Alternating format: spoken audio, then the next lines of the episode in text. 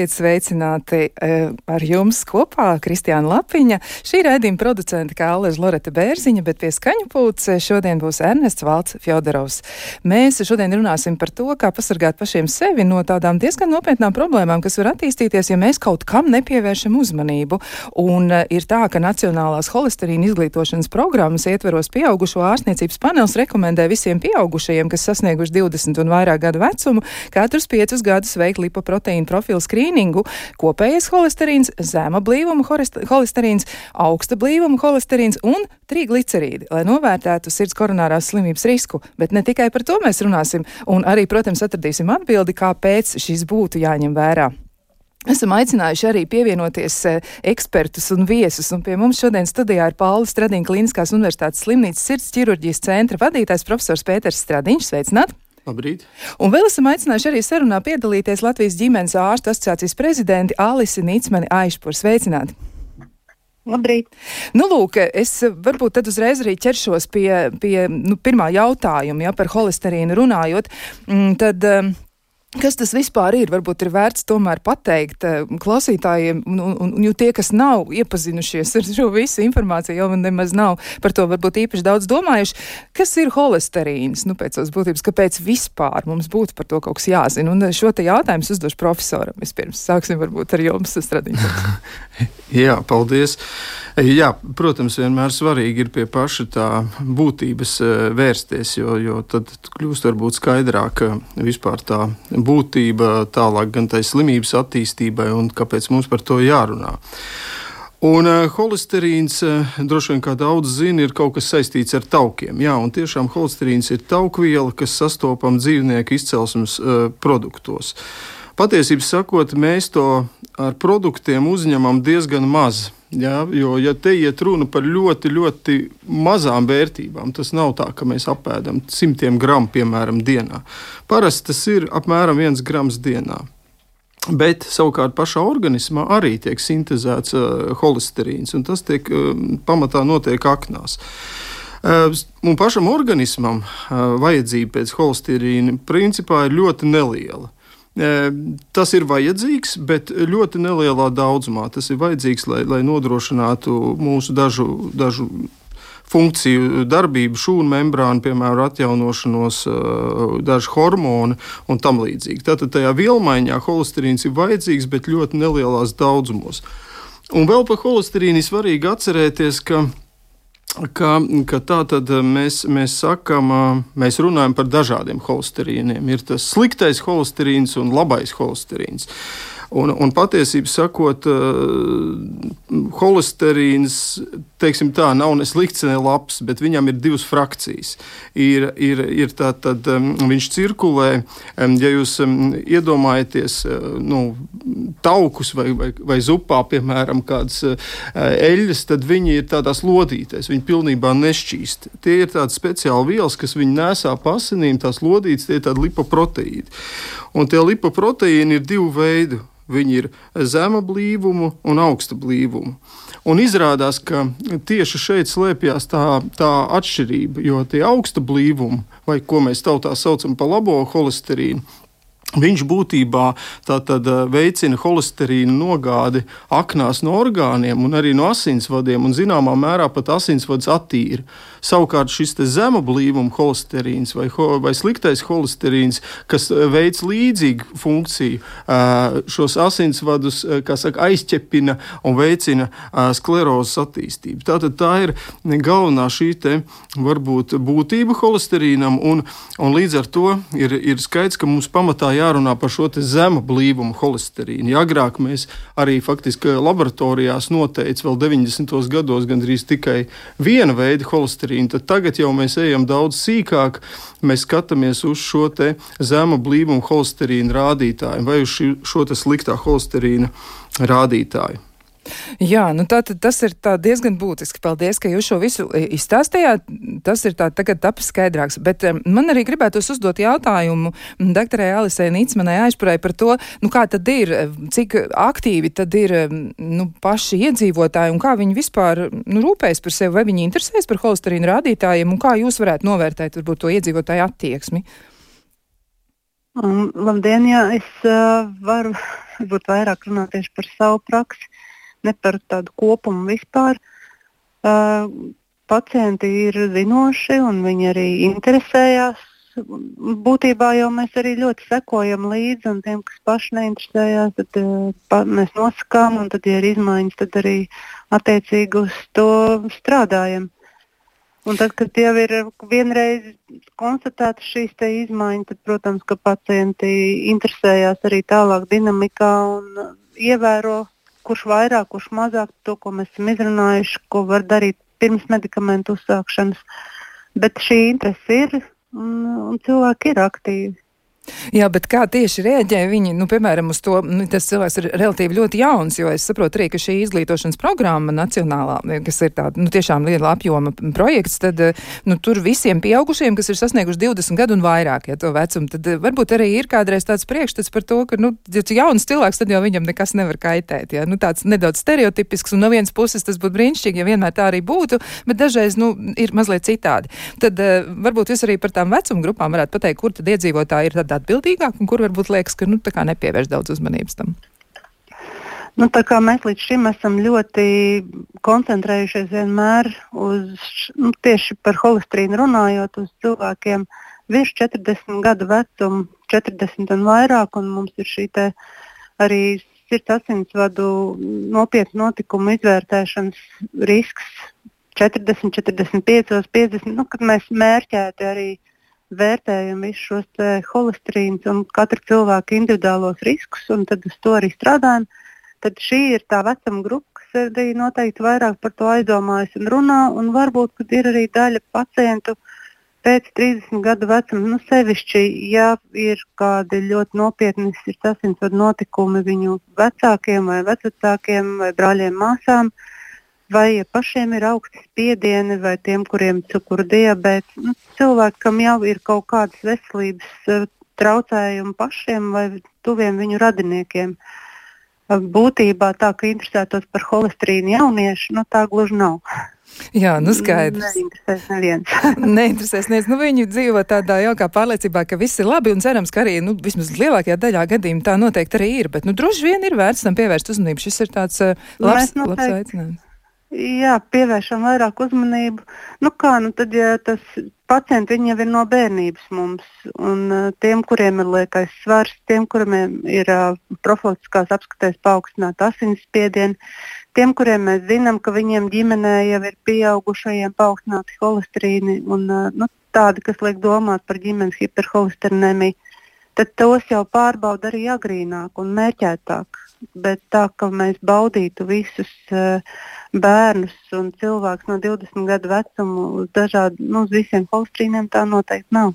Jā, nu te arī tā norāda bija par katriem pieciem gadiem. Jā, nu nav jau tik traki jāstraucās, ka katru gadu laikam varbūt arī pat var neiet un, un nemēģināt pārbaudīt, bet tiešām nu, izklausās, ka, ka tomēr iedzīvotāji ir ļoti iesaistījušies. Bet varbūt arī jūs vēl varat piebilst par tiem riska faktoriem, arī ko jūs novērojat, jo jūs pieminējāt vismaz vienu, nu tā tad palielināts svars. Varbūt ir vēl kas tāds arī bez pārmantojumības, nu varbūt ir vēl kaut kādas lietas, ko jūs varat atzīmēt, ko jūs novērojat savā praksē tieši.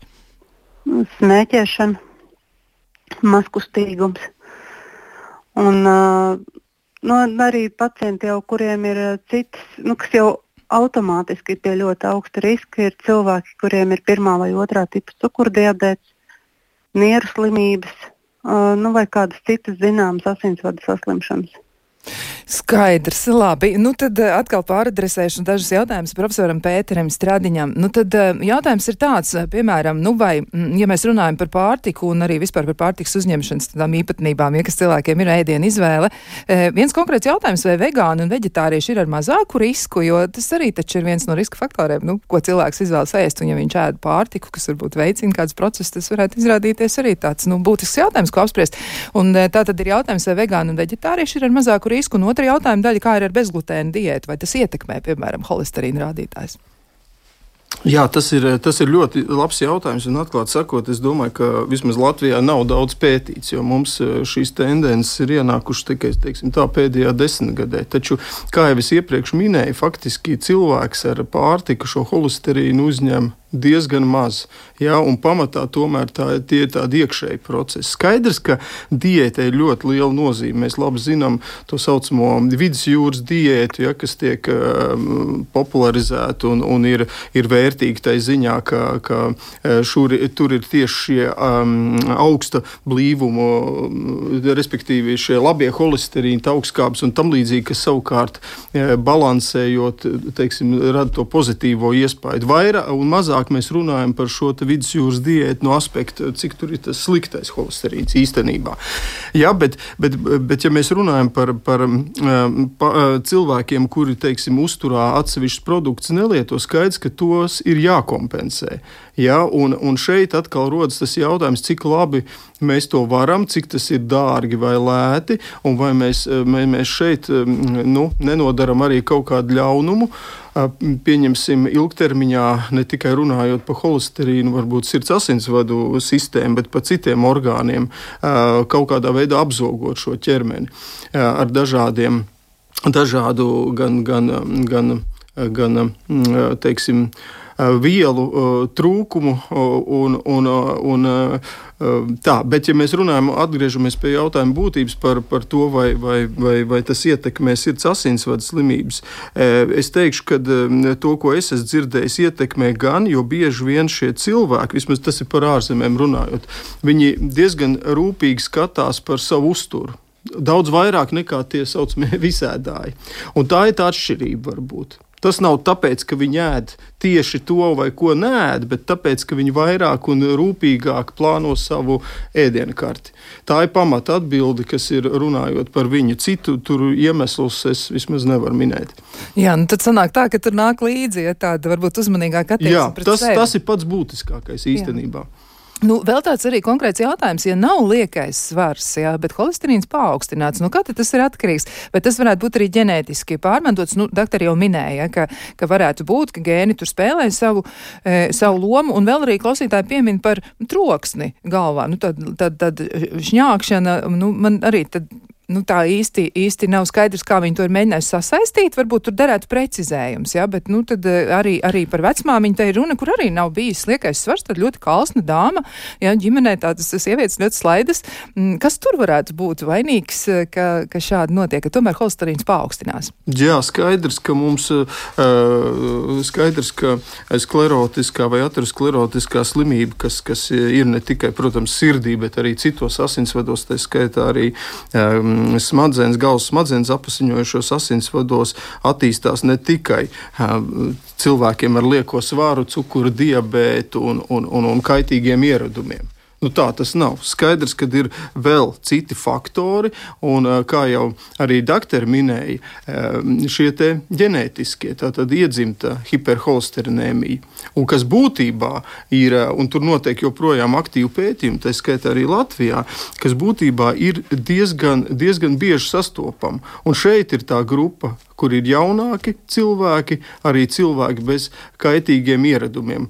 Un tāpēc ir ļoti būtiski, kā jau arī doktori minēja, šī ģimenes, eh, nu, kā mēs sakām, anamnēze vai redzēt visu to, to ģimenes stāstu. Ja? Jo bieži vien agrīni jau saprotot, kad, kad varētu šajā ģimenē būt kādiem cilvēkiem problēmas, mēs varam viņus ātrāk apsekot un, un varbūt šo problēmu noķert un uh, sākt risināt jau ātrāk un nepielaist jau tāds galējs iz, izpausmes.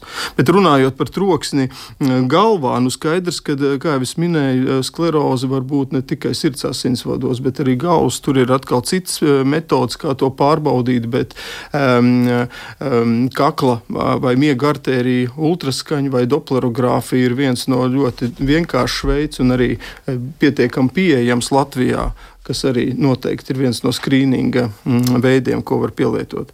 Nu jā, un tad cilvēks var tālāk risināt to problēmu. Tad ceram, ka klausītāji arī izdosies to no, izdarīt. Nu, vēl arī tāds jautājums tieši par ģimenes ārstu praksēm runājot. Ja, tad eh, viens eh, no jautājumiem ir tāds, ka ģimenes ārsts tikai tad izrakstīja nosūtījumu uz asins analīzēm, kad darba vietā saņēma veselības apdrošināšanas polisi. Atklājās ļoti augsti holesterīna rādītāji, nekādu sūdzību par veselību nebija. Un jau vairākus gadus lietoja statīnu, statīnus, un vai ģimenes ārstiem reizi gadā būtu jānosūta pacientus obligātajām asins analīzēm, tad laicīgāk atklātos neviena viena diagnoze. Nu, tāds vienlaiks gan priekšlikums, gan jautājums ir gan arī secinājums. Varbūt, ka no ģimenes ārsta puses, ja te ģimenes ārsta asociācijas prezidenta Alise Nīcman Aišpur varētu komentēt, nu kā tas ir, kā tas no jūsu puses izskatās. Nu jā, mūsu valsts eh, nav tik ārkārtīgi turīga, ka mēs varētu atļauties pilnīgi visiem cilvēkiem vienu reizi gadā veikt analīzes. Un, uh, līdz ar to nu, tieši mērķēt šīs holesterīna analīzes, uh, viņas tiek noteiktas visām šīm pacientu grupām, kur mēs varam aizdomāties, ka varētu būt vai nu pārmantotas holesterīna problēmas, vai arī ar uzturu saistītas. Vai, nu, Tomēr ir arī ietekme tam dzīvesveidam diezgan liela. Arī jauni cilvēki, kas patērē ļoti liels kofeīna devas, ļoti augstu stresa apstākļos, maz guloši, daudz smēķējoši, ar vai bez drusku lieko svaru vai lielāku lieko svaru, mēs jau viņus pārbaudām agrīni. Um, un 40 uh, gadu vecuma, tad jā, ir šīs analīzes, kuras tiek izmantotas uh, visi holesterīna līmeņi, un tad uh, skrīnē un reizi piecos gados šo skrīningu atjauno. Līdz ar nu, kopā gan ar asinsspiedienu, gan arī ar visu dzīves uh, un uh, ģimenes anamnēs noskaidrošanu. Jā, nu, tu... Man grūti pateikt par pacientu, kurš, kuram ir noteikts analīzes, cik ir gadi. Un, kāpēc doktors izlēma, ka šajā reizē ir jāveic visas šīs analīzes. Jā, bet, nu, ja, ja tas tā ir, tad eh, iespējams arī, tas ir tieši labi, ja, ka var eh, nu, noskaidrot Jā. sīkāk, ja, kas, kas tur notiek, tad noteikti arī to vajag darīt. Nu, vēl viens jautājums, ko es arī gribētu adresēt jums, ir nu, tāds, ka m, klausītāji raksta, ka man ir 36 gadi, asins analīzes nodod reizi gadā, un pēdējo gadu laikā redzu, ka zemais un zemā blīvuma holesterīns ir paaugstināts. Ģimenes ārsts saka, ka tagad tā ir daudziem, vai man to ignorēt un kā uzlabot rādītāju? Rādītājs, kur iegūt informāciju. Nu, informāciju mēs cenšamies šodien arī kaut daļu iedot. Un, un eh, kāpēc tomēr vairāk risku ir tiem cilvēkiem, kuriem ir 40 un vairāk gadu? Ja? Vai viņi mazāk kustas, vai viņi sliktāk ēd? Kas tur īsti notiek? Varbūt jums ir komentārs arī par šo. Uh, nu, ejot gadiem uz priekšu, nu, piemēram, uh, tad nu, mēs vērtējam šo vecumu no 40 līdz 65, bet nu, skolu skalā jau ir līdz 70 gadu vecumam Eiropā cilvēki iekļauti. Tāpēc, ka nu, šī ekspozīcija holesterīnam noteikti ir daudz ilgāka un arī dzīves paradumiem nu, ilgstošākā laika periodā arī ir lielāka ietekme. Un, uh, mēs redzam, jā, ka šie riski un nopietnie kardiovaskulārie notikumi ir lielākoties cilvēkiem pēc 40 gadu vecuma. Protams, ka ir arī cilvēki, kuriem ir infarkts 30, 32 gados. Um, un par holesterīnu palielināšanos nu, ir tā, ja zem blīvuma litība ir zem 4,9, tad neatkarīgi no tā, vai ir augsts vai zems risks, jebkāds risks, tad uh, statīna ir jālieto. Terapija ir jā, jāuzsāk. Jā, varbūt arī jūs pie viena varat piebilst, kur tad meklēt iedzīvotājiem informāciju vēl papildus par holesterīnu, jo, nu, citreiz tiešām ir tā, ka, nu, neviens īsti neraizējas līdz brīdim, kamēr, nu, tad saka, ka jā, nu, tev vajadzētu par to padomāt. E, kur var atrast informāciju un kas varētu būt tāda ērti pieejama? Nu, jā, varbūt man kā mediķim šķiet, ka šī informācija ļoti daudz un visur, kur. Um, bet uh, SPKC mājaslapā ir ļoti daudz labu ieteikumu gan veselīgam dzīvesveidam, gan arī diētai. Ir arī šie te, nu, ieteikumi, piemēram, par alkohola lietošanu, tā daudzumu, un sevišķi uz kuriem lipīdiem tas vairāk uh, strādā. Kad man mērķiecīgi ir tomēr jāskaita, cik daudz alkohola es dienā izlietoju. Nu, mēs vairāk esam dzirdējuši par smēķēšanu. Un, um, lieko svaru, bet jā, nu, ir arī savs, nu, sava ietekme tomēr uzturam un kustībām. Un SPKC mājaslapa, es domāju, būtu vis tāda drošākā vieta un latviski pieejamā informācija. Jā, slimību profilaks un kontrols centra mājaslapā. Jā, jā. Tad, tad profesoram Stradiņam arī ir ko piebilst pie šī. Jā, es vienkārši tikai vēl gribēju papildināt, ka pacientiem ir speciāls sadaļas arī, arī Latvijas kardiologu biedrības mājaslapā, kardioloģija LV, un tāpat tās pacientu biedrības par sirdi mājaslapā. Jā. Tur ir arī tiešām tādā dažādiem līmeņiem un interesēm um, ielikt informāciju par galvenajiem šiem riska faktoriem un arī ārstēšanas uzturēšanas iespējām un dažādiem citiem arī jaunumiem. Jā, bet droši vien jau, ka ģimenes ārsts, nu, ja reiz viņš ir ģimenes ārsts, viņš tiešām diezgan ilgu laiku ir pavadījis kopā ar attiecīgo cilvēku, un arī zina viņa ģimenes vēsturi, droši vien, arī viņam vajadzētu uzticēties un ļauties eh, tam, ka ģimenes ārsts izskaidro tās lietas. Nu, tā kā arī tas varētu būt brīnišķīgs veids, kā to risināt. Nu, vēl par ģimenes ārstiem runājot un arī izmantojot to iespēju, ka mums vēl ir maz drusciņa laika un iespēja aprunāties ar, ar ģimenes ārsta asociācijas prezidenta. Nu, kā jums liekas, kas varētu būt vēl tādi nu, darāmie darbi, kas varētu veicināt eh, nu, cilvēku veselības eh, nu, gan, gan uzlabošanos, gan arī to, ka tā tiešām ilgākā laika posmā ir pietiekami laba? Kā jūs to no savas prakses pozīcijām saskatāt, tieši runājot par eh, sirds slimību riskiem, ja kas ir saistīti tieši ar holesterīnu rādītāju izmaiņām? Nu, kas ir tas, ko jūs ieteiktu darīt? Es varbūt līdz galam pilnībā neuztveru jautājumu tieši jūs, bet uh, nu, par tādu, ja mēs runājam par profilaks, ko veselīgi var runāt, jā, profilaks, un tad mēs runātu par šo primāro profilaks, ka cilvēks ir uh, nu, būtībā vesels, viņam nav nekādas slimības bijušas, bet ir konstatēts paaugstināts holesterīna līmenis, un varbūt šis līmenis nu, ir tādā nu, zem blīvuma lipīdiem līdz 3 Un tad uh, ir nu jā, no sākuma šie dzīves uh, stila un veida ieteikumi. Nu, pirmām kārtām noteikti ir jāizrunā par to, kāds ir kustība apjoms eh, konkrētajam cilvēkam. Nu, tam vajadzētu būt 30 līdz 60 minūtes dienā vidēji intensīvām kustībām, vai tā ir pastaiga, vai tas ir lēns skrējiens vai pelde, kā kurš izvēlās. Lieliski ir, ja izdodas pāris reizes nedēļā izportoties līdz tādai izsīšanai Tad, protams, arī šos ieradumus, kas ir kaitīgie, nu, jebkāda veida smēķēšana noteikti būtu atmetama. Un uh, alkohola lietošanas paradumi noteikti arī būtu pārunājami. Tāpat tās ir ārkārtīgi svarīgi pietiekošs miegs cilvēkam. Tās 7 līdz 9 stundas pieaugušam cilvēkam vajadzētu būt tā, ka viņš no rīta mostoties jūtās mošs. Un arī stresa menedžments. Nu, ja cilvēks atrodas visu laiku paaugstinātā stresa stāvoklī, tad eh, nu, tur mainās uh, hormonālais fons, kā rezultātā veidojās iekaisuma process, un varbūt pat uh, tajā brīdī netika lieli holesterīni, varbūt jau sāk darīt lielāku ļaunumu. Līdz ar to šīs meditatīvās vai citas prakses atkarībā no konkrētā cilvēka, ko mēs varam piedāvāt.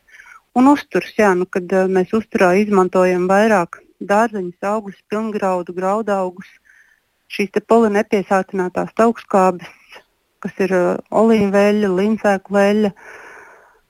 Un uh, izmantot vairākas divas un vēžveidīgos savā uzturā. Nu, kādas reizes divas un varbūt sarkano gaļu līdz trīs reizēm nedēļā. Un tie ir tādi pamatieteikumi, kurus, ar kuriem noteikti sāk. Un tad, ja pacientam pusgadu laikā izdodas šos ieteikumus savā dzīvē ieviest un ievērot un kontrolējot šo holesterīnu atkārtot pēc uh, sešiem mēnešiem, redz, ka tas efekts ir pietiekošs.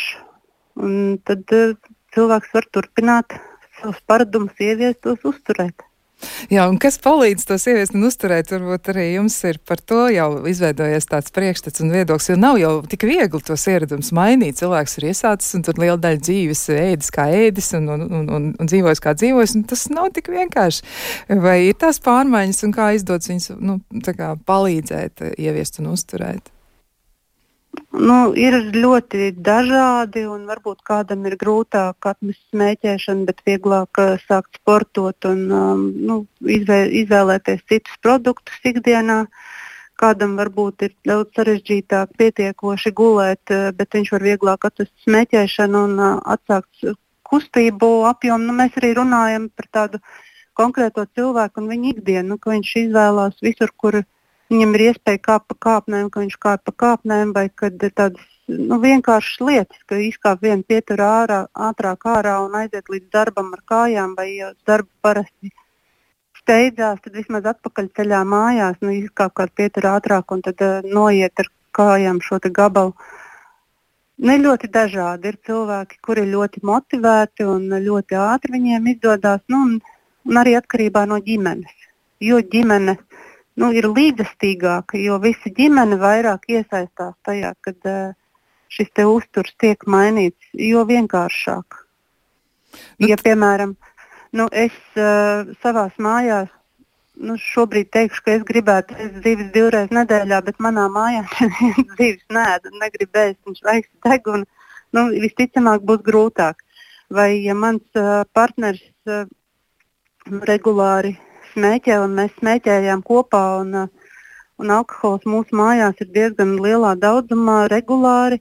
Nu, es izlēmu, ka es to gribu mainīt, bet mans dzīves biedrs varbūt uh, nav tik līdzestīgs un bieži vien mani uh, paaicina, lai es tomēr atjaunoju savus vecos paradumus, noteikti noturēties pretī ir sarežģītāk.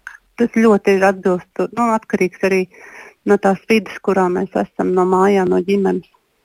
Nu, tā tad kopīgs darbs savā ziņā jāatbalsta. Ir tas cilvēks, kuram tad ir nu, tā problēma jārisina, un tad visiem kopā kā, nu, jāvienojas par to. Jā, būtu tā ir tāda ideālā pasaule. Jā, nu, cerams arī, ka izdosies, jo tiešām nu, tie riski, par kuriem arī jūs nu, abi divi ārsti izteicāties, ir tomēr diezgan nozīmīgi un ir jāņem tas vērā. Šajā mirklī teikšu paldies Latvijas ģimenes ārstu asociācijas prezidentei Alisei Nīcmanai Aišpurei, un droši vien, ka mēs vēl kādā brīdī tiksimies sarunā, bet šajā mirklī novēlēšu, lai jums tiešām viegla darba diena un lai ir nu, tādi pacienti, kuriem izdodas atrast vislabāko palīdzības veidu un lai tiešām izdodas arī atrisināt tās problēmas, kuras ir radušās. Paldies jums liels par sarunu, bet uh, mēs savukārt savu sarunu par to, kā tad ir ar holesterīnu un uh, nu, par to, kas varētu būt ievērojams un kādas ir sekas, ja neko nedara lietas labā, par to mēs sarunu turpināsim pēc īsa brīža. Kā labāk dzīvot? Turpinām sarunu par zemu blīvumu holesterīnu un arī ne tikai par to, protams, mēs runājam arī par nu, tām lietām, kas ar to ir saistītas. Un atgādināšu arī, ka pie mums studijā šajā brīdī ir Pauls Stradīņa Kliniskās universitātes slimnīcas sirds ķirurģijas centra vadītājs profesors Pēters Stradiņš. Bet runājot ar profesoru, nu, tā teikt, aizkadrā, ja, viņam tomēr ir tādas būtiskas lietas, ko viņš gribētu pateikt. Nu, kaut vai, piemēram, tie statistiskie rādītāji, ja, kas ir par mūsu pašu veselību, nu, nav necik iepriecinoši. Varbūt jūs varētu komentēt, nu, kā tur īsti ir. Nu, jā, nu, pirmām kārtām eh, pagājušajā gadā 52% no Latvijā mirušajiem cilvēkiem ir tieši ar sirds asinsvadu saslimšanām. Nu, tas skaitlis ir, ir teikšu, tā, tradicionāli augsts eh, un, un ir viens no tādiem sliktākiem Eiropā priekšsirds asinsvadu slimībām. Un šeit jāsaprot arī viena lieta, ka vismaz ceturto daļu no šiem 52% mēs būtu varējuši novērst vai vismaz aizkavēt. Tad tas ir jā, jāzina, un tā ir varbūt starpība starp uh, citiem nāves iemesliem. Otra lieta, kas, kas tiešām ir satraucoša, un kur Latvija šoreiz ir ierindojusies pašā pēdējā uh, pozīcijā Eiropā, uh, Tātad Latvija Eiropā ir pēdējā vietā veselīgi nodzīvoto gadu skaitā. Tas ir pats zemākais Eiropas Savienībā, un sievietēm tie ir nepilni 53 gadi un vīriešiem 51 gads. Un ko tas nozīmē? Tas nozīmē tomēr to, ka mums ir ļoti būtiski sākt skatīties uz mūsu cilvēku veselību jau agrākā vecumā. Ne tikai jau senioru gados, kad jau teiksim, arī nu, teiksim, dabiskā novecošanas procesa rezultātā ir kādas slimības, un, un, un, un tās ir jāārstē un jānovērš, kas ir, protams, pareizi un jādara, bet mums ir jāskatās arī uz uz dažādiem aspektiem, kas skar jau mūsu cilvēkus, sākot teikšu, no dzimšanas, no bērndārzas, skolas un, un jaunības. Jā, tā tad par to būtu jādomā laicīgi. Mums ir arī klausītājs zvani, un šis ir tas mirklis, kad mēs varam klausīties, kas ir sakāms klausītājam. Sveicināti, mēs jūs dzirdam! Labdien! Man lūdzu ir tāds jautājums par tām bezmaksas analīzēm. Vai tiešām reizi gadā ikvienam tādas pienākās, un ik viens var aiziet brīvi un uztaisīt iekšā, tas viss tomēr notiek tikai un vienīgi caur ģimenes ārstu? Jā, paldies par jautājumu. Kā tur īsti ir? Mums ģimenes ārsts stāstīja arī par to, jo viņi pieminēja, ka, nu, tad, man liekas, ka šis jautājums ir jāuzdod savam ģimenes ārstam, bet, nu, tad, jā, reizi gadā tas būtu, man liekas, ļoti labi. Bet tagad, nu, kā tur būs ar to bezmaksas nu, nodrošināšanu? Jā, nu, laikam es nebūšu, man nebūs tā kompetence uz šo te atbildēt. Es, es neesmu šo te gatavojies, un man nedaudz tā profesija ir citā vietā, bet citā jomā. Un, bet, bet, protams, ka es piekrīstu, ka, ka šāda analīze būtu, vai tāds kopējs veselības izvērtējums būtu nepieciešams, bet, bet šeit ir būtiski saprast, un ko jau man liekas arī doktori iepriekšējā raidījuma daļā teica, kurai tad nu, iedzīvotāji vai pacientu grupai tas būtu. Ja, jo, jo droši vien valsts patreizējais budžets mums neatļautu nu, varbūt visiem to darīt. Ja, Tātad Tas ir ļoti svarīgi saprast, vai tas ir no kaut kāda vecuma konkrēta, vai tur ir kādi vēl faktori jāņem vērā. Un šajā mirklī es teiktu, ka ka man, man šķiet viena no lielākām problēmām, vai, vai viens no instrumentiem, kā mēs varētu pavērst Latvijas šo te, uh, medicīnas un vispār cilvēku veselības uh, situāciju par labu, ir tiešām reālas e-veselības ieviešana, bet te neiet runa par to, kas patreiz Latvijā ir. Es runāju par uh, sistēma, kurā patiesi ir visu pacientu dati iekšā, Eh, kura ir mūsdienīga, kas varbūt ir pat jau saistīta ar pašām jaunākām tehnoloģijām, šo te mākslīgo intelektu, kas palīdzētu gan, gan jau speciālistiem, bet īpaši ģimenes ārstiem. Šie dati palīdzētu kopā saprast, kuri tad pacienti ir ar riska faktoriem, kādi ir bijušas viņa iepriekšējās analīzes, varbūt pat savienot ar pašu pacientu kādiem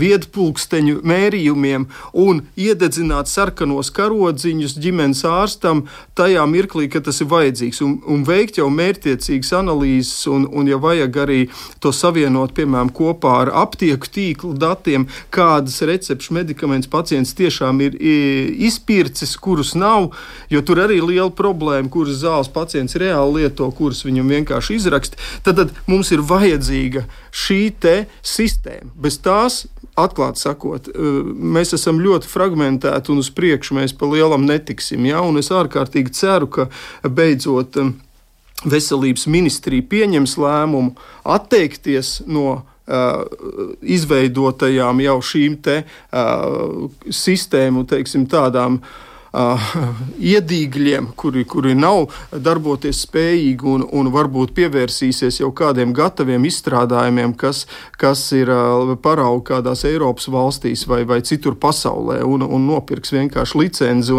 mēs beidzot uh, varēsim ne tikai mediķi normāli strādāt, bet, bet arī mm, Latvijas iedzīvotāji saņems to, ko mūsdienu tehnoloģijas uh, jau pasaulē daudz kur uh, nodrošina. Jā, nu tā būtu ļoti laba lieta. Nu, vēl ir ir viens klausītāja jautājums. Arī šajā brīdī mēs jūs varam uzklausīt. Esiet sveicināti! Labdien, profesor! Eh, man tāds nopietns jautājums. Es te paskatījos um, Latvijas uh, statistikas datus par mirstību pēdējo gadu laikā un nu, bija pārsteigts konstatējams, ka 22, 21. gadā Latvijā nomira no visiem iemesliem apmēram 4000 cilvēku vairāk, Tā skaitā Covid bija mērāms dažos simtos. Uh, 22. gadā papildus nomirušie arī vismaz kāds vairāk nekā tūkstots cilvēku pret iepriekšējo periodu vidējiem rādītājiem, kamēr Covid atkal bija mērāms dažos simtos. Vienlaicīgi ņemam kā kontrolas grupu Zviedriju, tad tur šie dati ir diezgan bez izmaiņām, lielā mērā gadu griezumā Uh, līdzīgi es saprotu, ka um, papildus mirstība ir novērota ļoti daudzās uh, valstīs.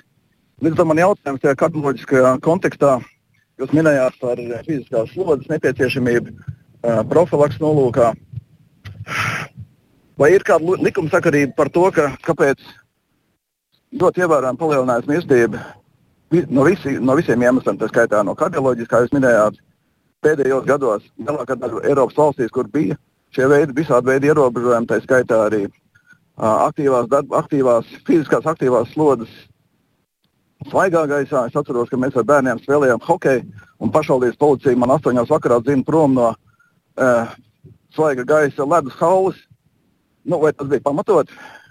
Jā, paldies par jautājumu. Šis ir ļoti, ļoti vietā jautājums, jo profesoram arī par šo ir noteikti ko teikt, un arī par tādu varbūt ilgtermiņa attieksmes veidošanu. Tad jūs komentējat. Jā, jā, šis jautājums, atklāt sakot, nav tik vienkāršs. Ja, jo, jo mums ir jāskata tur vairāk. Es, es protams, patreiz negribu iedziļināties Covid pandēmijas, varbūt izraisīto seku, un, o, kurus, atklāti sakot, droši vien mēs vēl, vēl kādus gadus būsim spiesti sakot, likvidēt. Ja, kas, kas ir ļoti daudzās sfērās, ne tikai ekonomijā, bet izglītībā, nu, nu, visos sektoros, un ieskaitot, protams, arī cilvēku veselībā. Un tur ir vairāk aspektu, gan tiešām tādā fiziskā fiziskā veselībā, gan mentālajā veselībā, savstarpējās attiecībās. Nu, milzīgs, milzīgs, katastrofāls šis seks ir tomēr, un tas mums ir jāapzinās.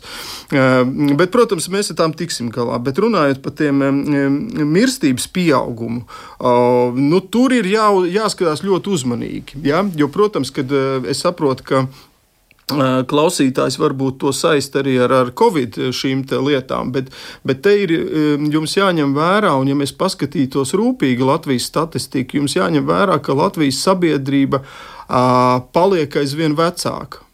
Viņa, viņa noveco. Tur ir vairāk iemeslu. Ir uh, um, imigrācija, kas, kas ir eh, negatīvā, kas, kas ir pamatā eh, darbspējīgā vecumā.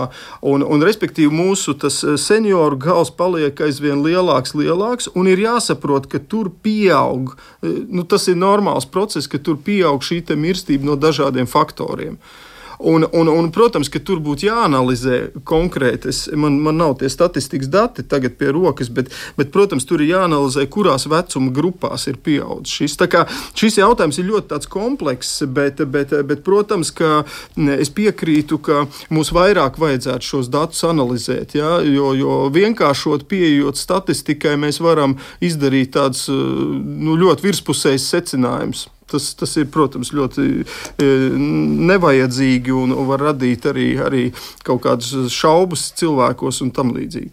Jā, nu vēl viens no faktoriem arī, kas varētu būt tāds palīdzošs faktors, ja cilvēki ar to nodarbojas, nu par tām sporta aktivitātēm runājot, ka tas būtu mm. ļoti, ļoti svarīgi. E, noteikti arī profesoram ir komentārs par šo, kā tad ir ar to sportošanu, sportošanas varbūt tādu kultūru Latvijā un vispār attieksmi arī valstiskā līmenī, kā tas īsti ir.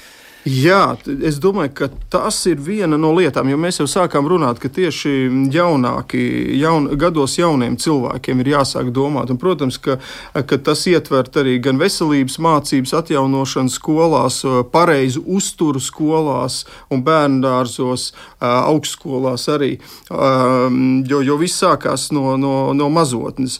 Un, un, protams, arī fiziskās aktivitātes bērniem. Jā, jau mēs tagad apskatāmies, cik, cik un un kā tas notiek skolās vai bērngārzos, tad mēs noteikti redzēsim, ka mēs jau uzreiz atpaliekam no Skandināvijas, nemaz nerunājot par augstskolām. Tātad, tātad tas ir ļoti, ļoti nozīmīgs aspekts, kuram būtu jāpievēršās. Ja?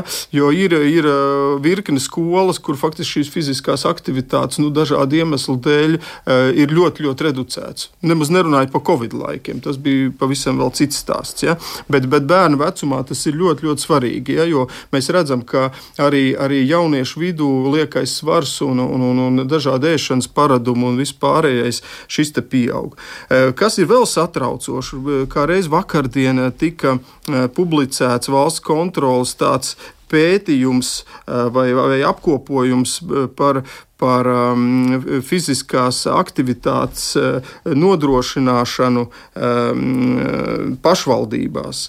Un, un tur tika konstatēts, ka šie 3,7 miljoni, kas tam tika uh, pielietot, faktiski tika novirzīti 87% tikai bērniem un jauniešiem. Tad faktiski, uh, faktiski pieaugušiem cilvēkiem šīs fizisko aktivitāšu uzlabošanas uzlabošana netika veikta. Un kas vēl būtiski, šeit ir šie te, gandrīz 90% tik novirzīti sporta veidiem, ar kuriem nodarbojas tikai 4-5% no iedzīvotājiem. Tas ir, es nenoliedzu, un arī klausītājs pieminēja hokeju, ja? bet respektīvi tas nebija runa par tautas sporta veidiem, kas būtu tie, kas, eh, kas mums ir arī m, tradicionāli ļoti populāri Latvijā, kā, kā skriešana, kā orientēšanās sporta veids, arī, arī tagad ienāk nūjošana, citas sporta sporta veidi, kur faktiski pat nebūtu varbūt tik lieli tie ieguldījumi, bet kas mums būtu jāienes. Un tāpat tās bija satraucoši, ka liela, liela disproporcija bija starp dzimumiem. Zēnu sporta veidiem bija 66% pret meiteņu sporta veidiem, kur bija tikai 34%. Tā kā šis te valsts kontrols pētījums noteikti mums arī būtu jāpaskata šajā gaismā, un, un, un es domāju, ka te ņemot vērā, ka patreiz ir arī dažādi šie te projekti, fondi pieejami. Es domāju, ka katrai pašvaldībai arī būtu jāpadomā, ko vēl var uzlabot, lai, lai iesaistītu un lai aizvien plašāk mēs popularizētu um, dažādas uh, fiziskās aktivitātes. Ja, kas varētu būt ļoti, ļoti uh, tāds vienkāršs, kādi tādi sporta laukumi, kas ir uh, svaigā gaisā, kur cilvēki var aiziet uh, kāds vingrojums veikt, līdz pat tādiem kolektīviem, varbūt veselības uh, kaut kādiem um, pasākumiem, uh, kur, kur varētu plašāku, plašākus mūsu iedzīvotāju grupas iesaistīt. Jā, tad glīta trenažieru grupiņa kaut kur jā, ārpusē. Tas būtu ļoti jauki. Ir vēl kāds klausītājs zvans, mēs klausāmies, lūdzu. E, labrīt! E, godājumā profesora, sakiet, lūdzu, kā jūs vērtējat, nu, ja teiksim, tas holesterīns ir nu, tā uz robežas, vēl nav virs, bet nu, uz robežas. Un ir tāds e, pārtikas piedeva mokārts, ja tas ir silvanola vietējais ražojums no ar sarkano rīsu ekstraktu. Un tas nu, ļoti labi teiksim, tur to holesterīnu. Jo nu, statīnikam tur ir visādas blaknes un, un, un, un, un teiksim, vai, vai tas teiksim, der vai tomēr, vai tomēr nē. Jā, paldies par jautājumu. Nu, tad uh, sarkano rīsu ekstrakts izklausās diezgan eksotiski, jā, Āzija tur ir. Nu, tā, pirmkārt, sarkano rīsu ekstrakts nav tas, uh, galīgi nav tas sliktākais. Ja? Jā. E, bet, bet, bet, ja runājot par kundzes zvanu, tad ir ļoti svarīgi saprast visu to kontekstu kopā. Ir svarīgi saprast, pa kādu holesterīnu iet runa vai tas ir tas zema blīvuma holesterīns, vai tas ir eh, kopējs holesterīns. Uh, ir svarīgi saprast, vai ir kādi riska faktori jau konstatēti, ja? jo, jo no tā ir atkarīgs arī šis te. Un tad ir jāsaprot, kādas, kādas tad ir šīs vērtības un kā viņas vai dinamikā mainās. Jo, jo ja, ja tas izdo, ja, ja tur nav riska faktoru un šie rādītāji tādi, nu skaidrs, jo, jo katrai, katram medikamentam ir savas indikācijas, kad vai, vai pielietošanas tās um, vieta. Bet eh, runājot par statīniem, nu, tas ir atkal viens tāds mīts par to, ka statīnu šī iedarbība uz aknām vai tam līdzīgi ir kaut kāda graujoša. Ja? Tad, tad, eh, tas, ir, tas ir noteikti apgāžams, jo redzat, īpaši šajā gadījumā visticamāk pietikt ar diezgan nelielu statīnu devu, lai, lai varbūt koriģētu šo holesterīnu. Un, un nav tādu pierādījumu, ka šajās devās eh, statistiski nozīmta, nozīmīgi tas ietekmē aknas. Un vēl jāņem vērā, ka mūsdienu medicīnā mums ir pieejami bez statīniem vēl, vēl citas grupas ar medikamentiem, kas samazina holesterīnu. Un, un ir iespējams gan viņu kombinācijas, gan, gan tā. Tā kā tur katrā gadījumā ir jā, jāizvērtē medicīniski šis te, un, un runājot par pārtiks piedevām savukārt eh, dažādiem, dažādiem Šiem te skaidrs, ka te mēs runātu eh, par tādu nu, zinātnisku pamatojumu, varam ļoti nosacīt. Ja? Tiešām par, dažiem, par dažām šīm piedevām atsevišķi pētījumi ir konkrēti par šiem te eh, sarkaniem rīsiem, bet, bet eh, godīgi sakot, protams, ka uh, tur ir jāizvērtē visi tie faktori. Ja? Un, un, un arī mēs zinām, protams, ka pareizs uzturs un, un, un, un dzīvesveids arī, arī ietekmē holesterīna līmeni. Tā kā, tā kā visi tie aspekti ir jāņem un jāizmanto. Jā. Jā, nu, labs komentārs arī no vienas no klausītājām. Viņi, viņi, viņi nu, tā optimistiski ļoti šo vērtē. Viņi saka, nu, lai beidz sūkstīties par analīžu nepieejamību, es sen visu pārbaudu bez visādiem norīkojumiem. Jebkurā laboratorijā par 10-15 eiro var pārbaudīt gandrīz visus pamatrādītājus un atbildes saņemt ātri e-pastā ideāli. Un, kad tik saglabātos, ejot citās Eiropas Savienības valstīs, tā nav. Un uh, tur par maksu vajag nu, pat norīkojumu no ārsta, un viņi raksta, ka man patīk pie mums. Ja ir problēma analīzēs, tad dodos pie ārsta, ja nav dzīvoju tālāk. Nu, tad ļoti, ļoti veselīga attieksme pret pret to. Bet, nu, vēl arī varbūt jūsu komentāru, mm, vēl mēs varam lūgt vēl par vienu, mm, nu, tādu ziņu no klausītājiem, nu, kur raksta arī, ka man arī liek dzērt holesterīna zāles, bet man no viņām sāp muskuļi, slikta pašsajūta, izraksta citas un arī no tām sāp. Ne? Un tad, nu, klausītāji atzīmē, ka ir dzirdēts viedoklis, ka e, holesterīna zāles ar savām blaknēm nodara tad, nu, lielāku ļaunumu. Nu, jūs jau, nu, pat arī izstāstījāt, ja par statīniem, ka tas ir tāds, nu, mīts vairāk, bet varbūt ir vēl kāds komentārs par šo. Jā, nu, runājot par to analīžu veikšanu pašam, jā, es domāju, ka pacientu izglītošana nu, ir ļoti, ļoti būtiski mūsdienās. Jā, jo mēs, mēs medicīnā redzam, pēdējos nu, burtiski desmit gadēs esam tādu revolūciju veikuši visās jomās. Te neiet runa tikai par sirds asinsvadu slimībām, dažādām lietām. Un, un, un tas datu apjoms, ko mēs varam interpretēt un ar kuriem mēs rīkojamies, viņš aizvien palielināsies. Un skaidrs, ka mums ļoti svarīgi arī kā ārstiem iesaistīt pašus pacientus, lai viņi var vērtēt, īpaši, ja tas eh, nu, kaut kādiem datiem ir jāseko vairāk gadu desmitus. Tas ir ļoti svarīgi, ka pats pacients jau var tur piesaistīties un tam līdzīgi. Bet, bet šeit iet runa arī par tomēr par to, vai pacients spēj to izdarīt. Ja, un, ja, ja, ja mēs taisām vienkārši pašu analīzi, mums ir jāsaprot, un ja neviens viņus nepaskata, ja, tad mums ir jāsaprot, vai, vai viņām ir kāda nozīme. Piemēram, par to pašu holesterīnu. Tie, kas ir taisījuši analīzes, klausītāji noteikti zina, ka tur ir pie zem blīvuma ierakstīta vienkārši parasti norma, bet jūs ieskatieties, ir tāds vēl tāda tabuliņa tieši zem šī, kur ir sarakstīta, kurā tad grupā jūs ietilpstat. Jo norma tie 3 ml, tas ir doma par bezriska faktoriem, bet paskatieties vienmēr šo tabuliņu. Jūs vienmēr domājat, ka jūs esat tajā grupā, ka jums nav riska faktori, bet es varu pateikt, ka lielākā daļa, nu, vismaz man, man, ar ko man ir saskāries, viņi parasti ir jau šajā tabuliņas apakšdaļā. Un šo, šo saprast var tikai tomēr konsultējot konsultējoties ar ārstu. Nu, tas arī būtu jādara. Jā, man šķiet, ka mums šī saruna būs jāturpina kādā citā reizē, jo jautājumu klausītājiem ir vēl, un noteikti arī ir savi komentāri, savu pieredzi. Šajā mirklī teikšu paldies Pāvils Stradīņa Kliniskās universitātes slimnīcas sirds ķirurģijas centra vadītājiem profesoram Pēterim Stradiņam. Teikšu paldies arī klausītājiem par iesaistīšanos, un uh, pieskatiet sevi, mēģiniet par sevi rūpēties iespējami vairāk, un atceramies arī, ka laikam tas tomēr ir par dzīvesveidu kopumā, ne tikai par kaut kādu atsevišķu lietu, ko mēs uzsākam. Mēs ar jums tiksimies atkal kādu citu reizi, lai jums skaista diena, un tad jau, tad jau atkal.